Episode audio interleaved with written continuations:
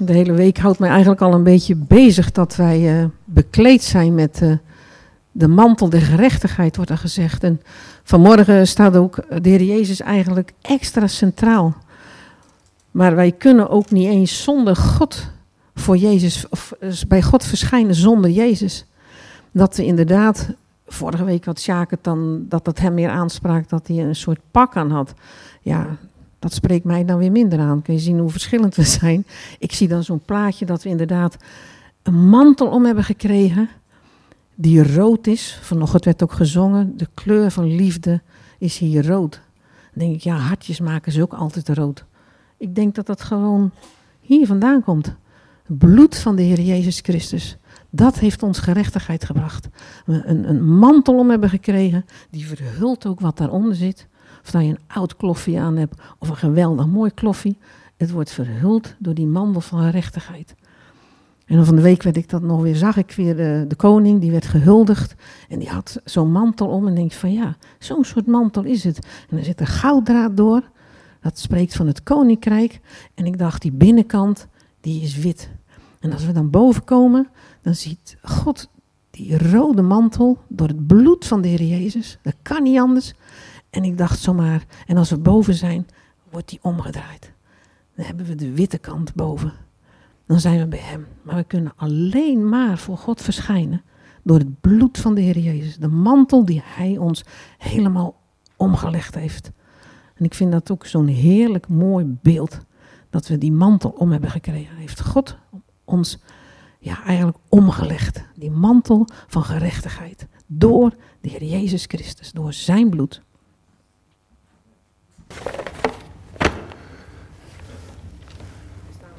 Hij staat nog aan. Sparen we batterijen. Zo, hij doet, staat hij nu uit.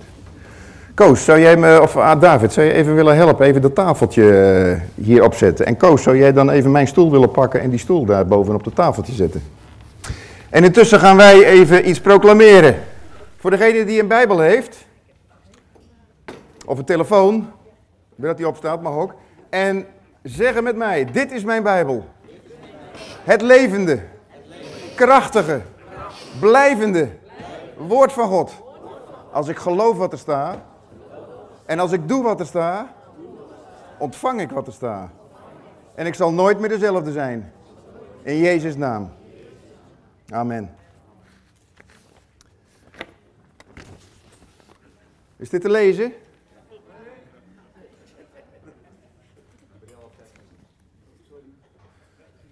Weet je wat er nou gebeurt als je de Heer Jezus eh, aanneemt in je leven? Dit ben ik, hè? Nou neem ik Jezus aan in mijn leven. Dat betekent dat Jezus heel belangrijk wordt in mijn leven. Is dit ook nog te lezen? Oké. Dan gaan we eerst bidden voor de boodschap, want ik heb een ernstige boodschap. En nog een ernstige mededeling, die doe ik na het gebed. Vader in de hemel, dank u wel dat we u Vader mogen noemen, omdat de Heer Jezus dat ons geleerd heeft. Hij heeft ons geleerd, onze Vader, die in de hemelen zijt, uw naam worden geheiligd, uw koninkrijk komen, uw wil geschieden, gelijk in de hemel, al zo ook op deze aarde. Daarom mogen we u Vader noemen en uitzien dat uw koninkrijk zichtbaar wordt in ons leven, in ons eigen hart, in de kerk, in de wereld, in de stad waar we wonen. We bidden dat uw koninkrijk zichtbaar wordt. Heer, en gebruik ons dan. Vorm ons. Vorm ons en snoei ons en schaaf ons en vul ons, Heer, tot het beeld van uw Zoon zichtbaar wordt. In de naam van Jezus vragen we dat. Amen. Een ernstige mededeling, misschien een foto van uh, broeder Johan Krul. Heel erg plots overleden deze week. Eh, hij heeft een atheïstische familie, dus hij heeft zijn lichaam eh, ter beschikking gesteld aan de wetenschap. Dus ik weet niet, we zullen geen dienst hebben, moeilijk contact hebben even op het moment met de familie. Maar broeder Johan die kwam tot de Heer Jezus en zijn leven veranderde totaal. En zijn nier moest getransplanteerd worden, zijn voet moest geamputeerd worden. En dan denk ik wel eens, net jong gelovig. En dan zat ik bij zijn bed en dan zei hij, als ik God niet had, had ik het niet gered. Dan denk ik, Jongen, jongen, je zou toch je geloof bijna aan de, aan de willen gehangen als je zoveel ellende, ellende, ellende. Hij zei, ja, als ik God niet had, had ik het niet gered. Hij is echt bij de Heer Jezus. Hij heeft de kracht van God ervaren in zijn pijn, in zijn verdriet, in zijn amputatie, in zijn ziekenhuis in, ziekenhuis uit. Sommigen weten dat. Pas verhuisd door een aantal broeders naar een woning gelijkvloers. Maar hij is ook verlost van dit leven. En uh, nou, we gaan hem zien. Voor degenen die bij Jezus horen, gaan hem weer terugzien. Het is een ernstige boodschap, maar ook een vreugdevolle boodschap, omdat hij zo vol was. Hij heeft wonderen meegemaakt in het ziekenhuis, heeft ervan getuigd. Ondraaglijke pijn die zomaar in één keer bij hem weggenomen werd, omdat hij echt God aanriep. En uh, God verhoorde dat gebed in zijn genade. Ja, dat is de ernstige boodschap. En de rest is ook eigenlijk ernstig, want het thema van deze preek heet. Ik weet niet of je de PowerPoint kan laten zien. Levend sterven. En dat is een heel ernstig eh, woord natuurlijk, levend sterven. En waar denk je dan aan als ik dat schrijf? Dan denk je misschien wel aan abortussen. Aan levende mensen die doodgemaakt worden. Misschien denk je aan euthanasie. Levende mensen die een spuitje krijgen. Maar daar gaat het niet over. Daar gaat het niet over. Ik wil uh, over iets uh, anders hebben. 2 Korinthe 5 vers 17. Als het goed is staat daar. Als u christen wordt, wordt u van binnen helemaal nieuw. U bent als het ware opnieuw door God geschapen. Er is een heel nieuw leven begonnen. Als God in je leven komt, dan gaat hij je opbouwen. En ik wil wat voorbeelden daarvan geven. Zijn hier nog tieners aanwezig? Ja, ik zie ze. Ja, er zitten er nog een paar. Toen ik tiener was, toen, uh, ik weet niet altijd gepest, maar ik deed nooit mee met de groep. Ik stond er altijd buiten, dus ik was uh, een beetje zielig. Ik had de grote oren voor mijn hoofd. Intussen is mijn hoofd bijgegroeid. En ik had een bril. Een grote zwarte bril. En ik vond dat zo verschrikkelijk. Ik vond het afschuwelijk. Als ik in de spiegel keek, dan denk ik, nee, wat een verschrikkelijk gezicht. Zo'n grote zwarte bril. Ik denk, niemand moet mij hebben. En ik had dus een heel erg negatief zelfbeeld. Ik denk, niemand moet mij hebben. En dan ga je een bepaald patroon uh, denken bij jezelf. Van, uh, ja, ik ben lelijk en ik lig altijd buiten, ze moeten mij niet hebben. Maar toen kwam er een moment, jongelui, dat de mooiste meid van Zwijndrecht, die vond mij leuk en knap. ja, werkelijk, wat gebeurde er toen zeg? En toen dacht ik, als zij mij mooi vindt, wat kan me dan toch iedereen schelen wat hij van me vindt zeg? Kom hé, ik heb de buit binnen, de allermooiste. En onder jongens onder elkaar, we noemden dat vroeger een stoot. Weet je wat dat is? Ik weet niet of dat, dat hedendaags nog gekend wordt, zo'n woord, maar je begrijpt een beetje wat ik ermee bedoel. En uh, ja, die reed er in de dikke Mercedes van de vader, lang blond haar tot zo. Niet helemaal tot daar, hè. iets halverwege je rug, hè. Ja, ik overdrijf altijd, maar... Maar dan denk ik, jongens, wat kan mij nog de rest van de wereld schelen? Maar toen gebeurde er nog iets in mijn leven. Toen een poosje later kwam de Heilige Geest in mij. Toen kwam God in mijn leven. En toen gebeurde eigenlijk iets hetzelfde, maar dan nog veel heftiger.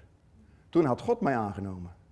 Toen ging ik beseffen dat, dat de schepper van hemel en aarde was mens geworden in Jezus en was voor mij aan een kruis gaan hangen. Hey, zo waardevol vond hij mij. Dat was nog een graadje erger dan, dan de bevestiging die ik van mijn vriendin kreeg. God bevestigde mij. Dat gaat God doen als de Heilige Geest in je leven komt. Gaat hij je opbouwen op een manier dat niemand je meer wat aan kan doen. Wat kan een mens mee doen? Met mijn God spring ik over een muur en ren ik op een legerbende in. Hé hey jongens, heb maar kritiek. Zeg maar dat ik lelijk ben, dat ik fout ben, dat ik mislukt en, en dat ik weet ik veel ben. Het interesseert mij niet meer. Niemand kan mij meer teleurstellen, beschadigen, eh, de grond in trappen. Je doet maar. Want hij heeft mij aangenomen. Hij heeft mij nieuw leven gegeven. Als je uit de put komt, gaat God je opbouwen. Hij gaat je bevestigen. Hij gaat je kracht geven. Hij gaat je iemand maken die je ervoor nooit was in je eigen ogen. Maar dan. Maar dan. Ik heb Jezus aangenomen. Hij kwam in mijn leven. Hij heeft, hij heeft heel mijn leven veranderd. Maar het was niet genoeg. Weet je, God die kwam niet naar de aarde om mensen happy te maken. Sommige mensen denken dat. Als ik Jezus aanneem, nou, dan word ik de gelukkigste mens van de wereld. Ja, is wel zo, maar dat is niet het doel van God. Het doel van God is niet om jou happy en gelukkig te maken. Een grote ontluistering voor sommigen misschien, die denken, hé, hé, nou dacht ik toch dat ik het geluk gevonden had. Wat, even een vraag. Even kijken hoor, wie de bijbelstudies gevolgd heeft bij David en Jan. Of bij mij. Wat is nou het doel van God met jou in mijn leven? Vingers. Ja. Om te horen zonder Om te worden zoals Hij. Om te doen zoals Hij. Om te zijn zoals Hij. Om te kijken naar Jezus. De, lat ligt, uh, ligt hier. En er is iets voor nodig. Er is iets voor nodig om te worden zoals Hij. En ik weet niet, dat staat misschien wel in het volgende vers.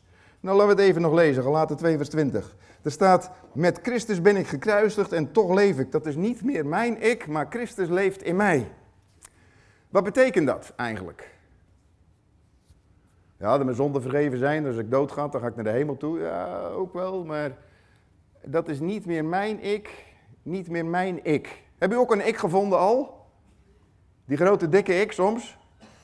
Die teleurgesteld is, die boos wordt, die beledigd is, die op zijn tenen getrapt is, die het niet pikt, die aan de kant gezet wordt, die boos wordt. Of hebben u dat niet? Weet je waar dat het in zit?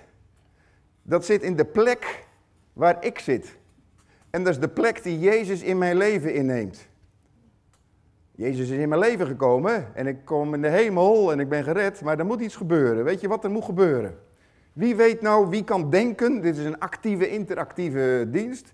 Wie weet nou wat moet gebeuren met die twee plaatjes? Ja. Omdraaien. Hé, hey, dit moet gebeuren. Oh. Ja, helemaal weg. Goeie plek daar. Een voetveeg. Een deurmat. Een deurmat voor wie? Voor al je broeders en zusters. Een voetveeg voor wie? Al je broeders en zusters. Daarom zijn we kerk. Zodat al die anderen hun voeten op jou af kunnen vegen, zo. Weet je wel, die net in de, in de derry liep een hond buiten en die doet wel eens wat. Liepen ze doorheen, komen ze bij jou. Daar gaat het vanmorgen over. Volgende plaatje, dat is een spreuk die ik geleend heb. En ik vond het wel een belangrijke. Dat is een hele diepe doordenker. Een hele diepe. Het is vandaag een beetje vast voedsel. Wie sterft als die leeft, zal leven als die gestorven is. Maar even over nadenken. Wie sterft als die leeft. En wat betekent sterven als je leeft? Je leven afleggen. Voetveeg worden, dienaar worden, aller dienaar, aller voetveeg. En als je dat hier leert, om te sterven aan je dikke ik, dan zegt de Bijbel, dan zal je leven tot een eeuwigheid. Is dat niet genoeg dat ik uh, Jezus uitgenodigd heb in mijn leven? En ik ben gedoopt en ik ga iedere zondag naar de kerk. Is dat genoeg? Is dat het plan van God? Gaan we dan op Jezus lijken? Nee, dan moet toch dit gebeuren. En daarom zijn we kerk. God die bouwt ons eerst op en als we opgebouwd zijn, want er zijn mensen die zulke gruwelijke dingen meegemaakt hebben, die zijn kapot. En die zijn vernietigd door de wereld, door de zonde, door de, wat ze overkomen is. Dus God, God laat jou niet sterven aan je ik als je, als je nog geen ik hebt. Er zijn mensen die niet eens aan zichzelf kunnen houden. God gaat eerst zorgen dat, dat zijn liefde in jou komt. Dat je gaat zien dat hij van je houdt en dan ga je ook van jezelf houden. Hij gaat je eerst repareren. En als je dan eenmaal iemand bent, als het goed is, gaat hij je afbreken. En wie gebruikt hij daarvoor? Je broeders, je zusters, de wereld, omstandigheden, gezondheid, succes, ziekte, armoede. Hij gaat alles gebruiken. Dus Johannes de Doper die zegt, hij moet wassen, hij moet groeien, ik moet minder worden. En dat is een heel levensproces. En als je denkt van ik heb het wel gemaakt en ik ben wel iemand, eens kijken wat ik allemaal doe, zeg, hey, hier in de kerk bijvoorbeeld of in de wereld. Dan gaat God nog verder met je en dan laat hij je zien van uh, wie doet dat dan in jouw leven. Nog een geheim vertellen. Kom ik dadelijk op. Ik zit vol met geheimen. Nog een, nog een spreuk. Volgende spreuk van Jim Elliot. De man die door de Auca-Indiaren met vijf zendelingen vermoord werden in, uh, in Zuid-Amerika. Die zei, hij is niet dom die opgeeft wat hij niet kan behouden om te krijgen wat hij niet kan verliezen. Ook een doordenker. Hij is niet dom die opgeeft wat hij toch niet kan behouden. Wat kunt u niet behouden, lieve broeders en zusters, op de laatste reis? Je kan niks behouden hier. Je carrière niet, je auto niet, dat mooie huis niet, eh, je spaarbankboekje niet, je kan niks behouden. Niks. Je mooie uiterlijk niet. Als ik in de spiegel kijk en ik zie die, uh, mezelf zo 50 jaar geleden, dan denk ik, joh, wie is die knappe jonge man? Nou zeg mag dat altijd, met het ouder worden ben je toch knapper geworden in plaats van. Dus uh, vroeger was ik niet zo knap, maar zij vond mij knap en dat is genoeg. De heer Jezus die zegt in Johannes 12, vers 24: Voorwaar, voorwaar, ik zeg u, indien de graankorrel niet in de aarde valt en sterft, blijft hij op zichzelf, maar indien ze sterft, brengt ze veel vrucht voort. Zo'n mooi graankorreltje. Als je hem onder een microscoop zet, er zit leven in, er zit kracht in. En de Bijbel die zegt dat ding dat moet de grond in en die moet verteren, die moet sterven en dan komt er nieuwe vrucht uit. Is een heel ander iets dan, eh, dan in de maatschappij. In de maatschappij moeten we, moeten we mooi zijn, moeten we succesvol zijn, moeten we knap zijn. Moeten we voldoen aan de damesbladen. Daarom hebben zoveel vrouwen een probleem met hun uiterlijk, omdat ze niet voldoen. Zoveel mannen moeten nog een extra stapje zetten om te laten zien dat ze stoer zijn. Allemaal leugens van de duivel. Als God van je houdt, is het genoeg. Dus wij moeten sterven aan, aan dat ik, aan dat beeld wat we van onszelf geschapen hebben. En sterven is niet, niet prettig. Want dan word ik misschien wel een niemand. Dan word ik misschien wel niet meer belangrijk. Misschien kijken mensen niet naar me op. Misschien vinden ze me niet meer knap. Misschien vinden ze wel weer dat ik grote oren heb. Misschien vinden ze wel dat ik zo'n lelijke zwarte bril heb. Paulus die zegt in Filippenzen 1 vers 21, want het leven is voor mij Christus en het sterven winst. Wij mogen geestelijk gaan denken. Het leven, u en mijn leven, waar bestaat het uit? Oh ja, ik had een keer in Krabbendieke. hey, welkom met Krabbendieke daar trouwens. Had ik het voorbeeld, weet je het nog? Linkerbeen uit bed, rechterbeen uit bed. En Sjoerd die zegt, die heeft maar één been. Ging niet op dat voorbeeld natuurlijk. Linkerbeen uit bed, rechterbeen uit bed. Ja, ik was al klaar, ik had er maar één. Je komt nog een keer preken hier, Sjoerd, of niet? Oh, oh, de twintigste. Jij bent de jeugdspreker. Oké. Okay. Oh, je komt nou een beetje oriënteren hoe het hier aan toe gaat, snap je? Ja, precies. Dan is het niet zo'n grote shock voor je. Maar het leven is mij Christus. En ook als je hard werkt, ik heb vroeger heel veel uren gewerkt in het bedrijfsleven, maar één ding stond bovenaan, toch wel in mijn leven. Jezus Christus. En ik probeerde door alles heen, Heer, geef een opening deze dag, geef een opening. Geef niet hoeveel dat je werkt of hoe weinig dat je werkt, maar zet Jezus altijd boven in je agenda. Heer, geef een opening dat ik vandaag toch een beetje licht kan zijn voor u. Breng iemand op mijn weg. En als die het niet doet, heb ik daar rust mee. Ik leef uit genade sinds mijn wedergeboorte. Maar de Heer Jezus gaat verder, in Lucas 14, daar zegt hij vers 27. Wie niet zijn kruis draagt en achter mij komt, kan mijn discipel niet zijn.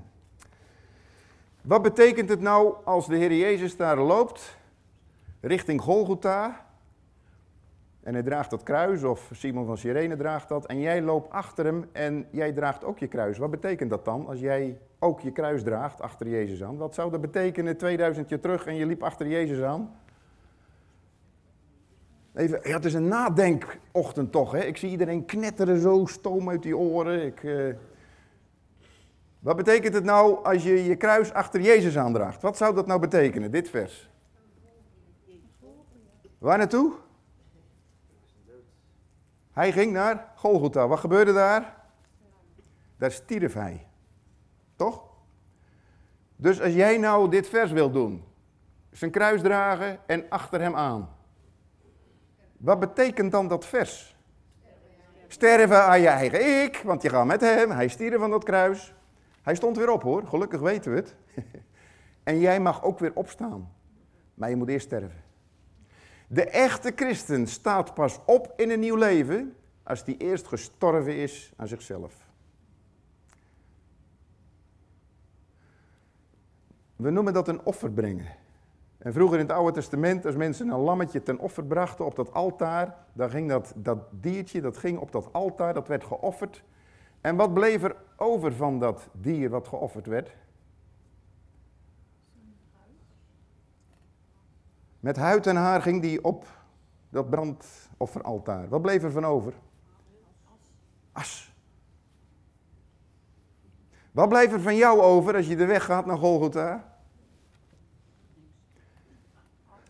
As.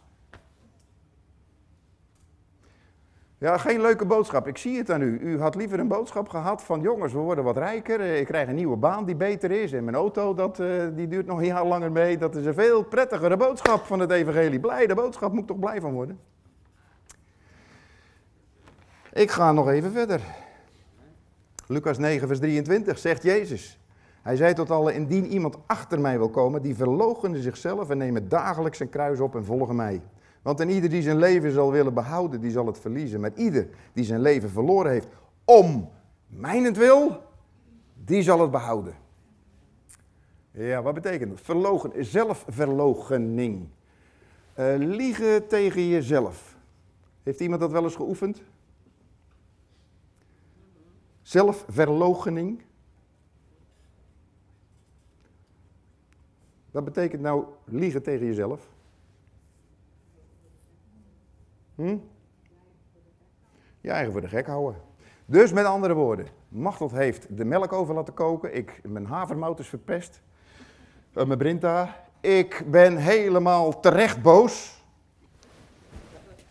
Vind ik. Want ik sta in mijn recht om goede havermout te hebben. Dus helemaal in mijn recht loop ik naar haar toe. En ik heb pas nog in de Koran gelezen dat je je vrouw ook mag klappen geven. Dus ik sta op het punt om mijn recht te halen, want de man is het hoofd van het gezin, de baas, toch? Vrouwen moeten horen gewoon. Ze hebben maar één recht en dat is daar recht, heb ik altijd geleerd. Dus uh, ik ga mijn recht halen. Maar ik doe het niet. Want ik denk, nee, ik heb geen gelijk. Ik, uh, Machteld heeft helemaal gelijk. Ik moet mijn zonde beleiden dat ik boos werd onterecht. Want zij doet het ook niet expres. En ik weet niet wat er aan de hand is. Misschien uh, was, heb ze wel iets ergster gehoord. Dus ik ga liegen tegen mijn eigen waarheid, want ik vind nog steeds dat, dat ik gelijk heb. Slecht voorbeeld. Ander voorbeeld. Uh, wat zou ik eens zeggen? In de kerk. Ik heb, uh, in de kerk heb ik alle stoelen gezet, stof gezogen, alles aan de kant gedaan. En uh, nou wil ik op internet een plekje boeken. En hij zit vol. Nou heb ik alles gedaan dat iedereen kan zitten, behalve ik. Nou word ik me daar toch een potje boos, zeg, verontwaardigd. Nou, ook geen goed voorbeeld. ik vind het moeilijk, zelfverloochening, vindt u niet? Wie kan mij een goed voorbeeld geven wanneer je nou echt jezelf verloochent? Als dat niet zo is, dan zie ik jullie allemaal op de Bijbelstudie van de week. Nou, Piet. Ja. En dan kreeg ik altijd compliment, altijd stel, de zaal goed gestofzuigd en ik sta erbij. Ja, precies. Ik krijg de eer van wat jij gedaan hebt. Ja. Dan denk ik bij mij de zegen ermee, maar goed. De zegen ermee. Nou, dat, dat ben je een aardig eentje op de ladder om jezelf te verloochenen. Ja, ik vind het wel een goed voorbeeld, Piet, dankjewel. Dus jij doet iets goeds en een ander krijgt de eer ervan. Nou, dan moet je een beetje jezelf verloochenen, anders word je verontwaardigd, boos, ben je op je tenen getrapt. Nee, sterker nog, Weet je wat er dan groeit in ons binnenste? Ze bekijken het maar. Ik kom niet meer. Ik ben zo teleurgesteld in de kerk. Nee, als ze, als ze dit doen, dan, dan is dat mijn kerk niet hoor. Nee, nee, nee, nee, nee. Nee, nee ik ben te teleurgesteld. Heeft allemaal te maken met zelfverloochening. Niet met theologie, maar met zelfverloochening. Nou, nog even een vers Efeze 2 vers 10, want zijn maaksel zijn wij in Christus Jezus geschapen om goede werken te doen, die God tevoren bereid heeft, opdat we daarin zouden wandelen. Goede werken doen, lieve broeders en zusters. Straks ligt hier dat witte formulier. Mag u opschrijven welke goede werken God de Vader voor u voorbereid heeft. Want hier staat, om goede werken te doen die God tevoren bereid heeft, opdat we daarin zouden wandelen. Dus als het goed is, dan gaan wij wandelen in goede werken die God voor ons voorbereid heeft. En iedere christen moet over dit vers nadenken. Heere God, welke goede werken mag ik doen? Je hoeft niet naar Borneo toe, je hoeft niet naar Afrika toe, maar mag ik, Heer, hier ben ik. En als u zegt, ik zou niet weten welk goed werk ik voor God doe, dan ga je ermee naar God toe. Of naar een van de oudsten, want die hebben klusjes zat. Maar je gaat naar God toe en zegt, Heere God, wat mag ik doen aan goede werken? Maar om goede werken te doen, ja, ik heb daar geen tijd voor. Ik heb daar geen gaven voor. Ik heb er geen talenten voor. Ik zou niet weten wat ik mag doen in het koninkrijk van God. Dan moet God toch echt wel wat duidelijker spreken. Weet je wat hij dan zegt? Zo, dan komt het weer goed. Want als je ermee naar God gaat, gaat hij vanzelf mensen op je weg brengen. Hij gaat vanzelf dingen laten zien die je zou kunnen doen als goede werk. Maar Nou ga je goede werken doen, Piet. Stofzuigen, stoelen zetten, klussen, lampen, bediening, weet ik allemaal wat. Man, je bent hier 80 uur in de week in de kerk bezig. Maar nou komt hij. Lucas 17, vers 10. Voor degene die dus, eh, oh ja, moet ik nog even vertellen. Weet je dat er meer dan 70 mensen een sleutel van de voordeur hebben en het alarm af kunnen zetten hier? Betekent dat er wel heel veel mensen hier iets aan het doen zijn, ergens. Maar voor al die mensen die zo actief zijn in de kerk, heb ik een boodschap. Zo moet ook gij, nadat gij alles gedaan hebt wat u bevolen is, zeggen: Wij zijn onnutte slaven. We hebben slechts gedaan wat we moesten doen. Dat is nou een tegenvaller. Want ik dacht, als ik nou de vloer veeg, met mijn tong oplik en, en ik doe het eh, koffie zetten en ik doe het, eh, weet ik allemaal wat hier, dan krijg ik toch wel aan het eind van het jaar op zijn minst toch een diploma hier of een medaille of zo. Kijk eens, hé. Hij heeft al drie medailles in de kerk. Dat zou toch leuk zijn? Of uh, drie strepen of vier strepen, zo zit de hele maatschappij in elkaar. Of van die kronen, weet je wel, op je hoofd, dan word je gekroond. Er staat in de Bijbel in openbaring dat als je iets doet in het koninkrijk van God, nou ga ik een geheim vertellen. Dan heb jij het niet gedaan, maar hij. Zodat als je heel je leven afgelegd hebt en je hebt heel je leven geïnvesteerd in het koninkrijk van God, dan is er nog niks van jou bij. Er is het genade dat God jou heeft gebruikt als een kwast in een potverf. Ik zeg wel eens een rare kwast. En hij maakt een mooi schilderij. Dat moet je beseffen. Dat we niks verdienen. Maar, maar. Vorige week zei Jacques, maar Jezus, Kijk, dan komt er nog een vers. Matthäus 25, vers 23. Zijn Heer zeide tot hem: Wel gedaan, gij goede en getrouwe slaaf. Over weinig zijt gij getrouw geweest, over veel zal ik u stellen. Ga in tot het feest van uw Heer. God laat het niet ongemoeid als zijn kinderen hem willen dienen. Als zijn kinderen zeggen: Heere God, geef mij uw gave van uw geest. Dat ik door uw geest mag dienen aan de wereld, aan mijn broeders en zusters.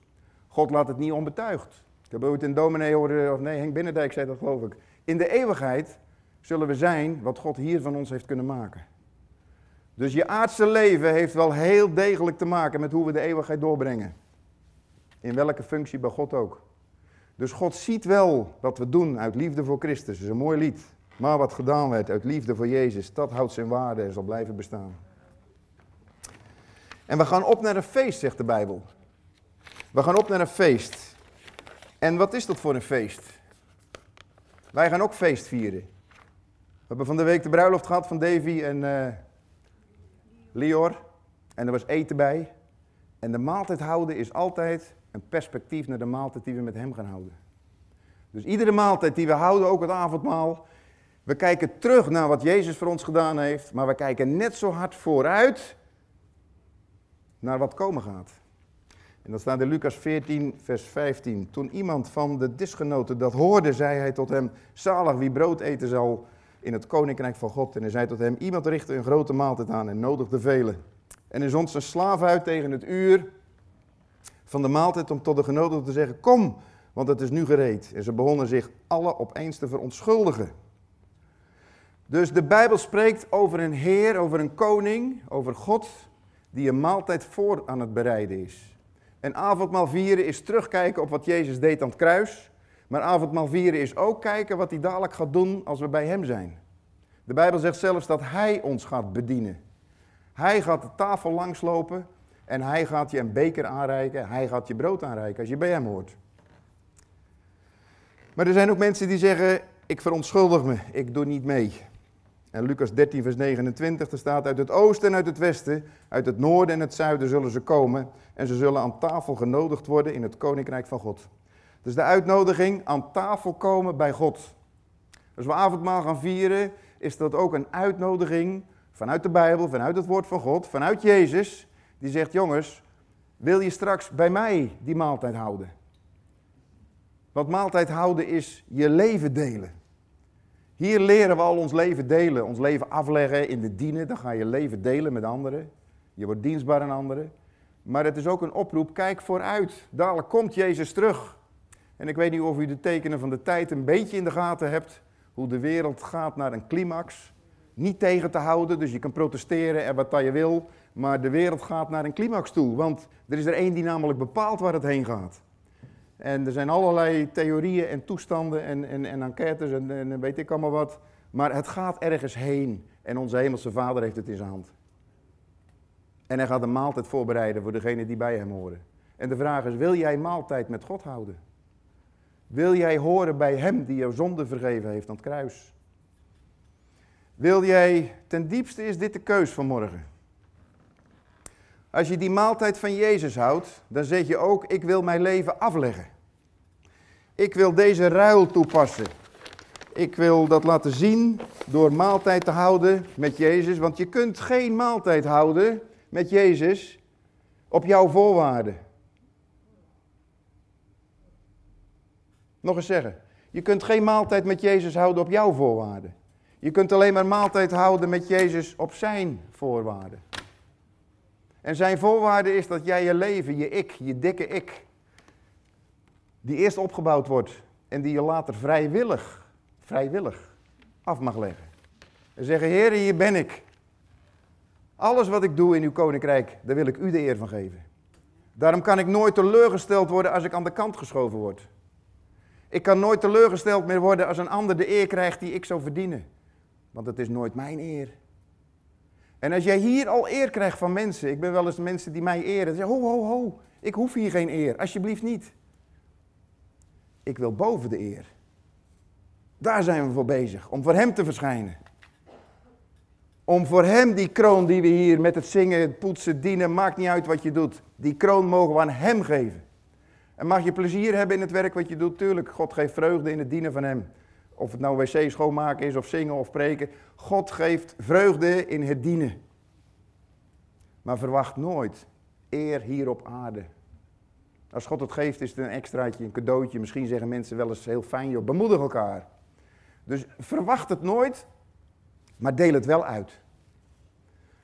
Dat mogen we wel doen. De Bijbel zegt dat we elkaar eer mogen bewijzen. Dus elkaar mogen we eren, maar jij mag er nooit op uit zijn. Snap u het verschil een beetje?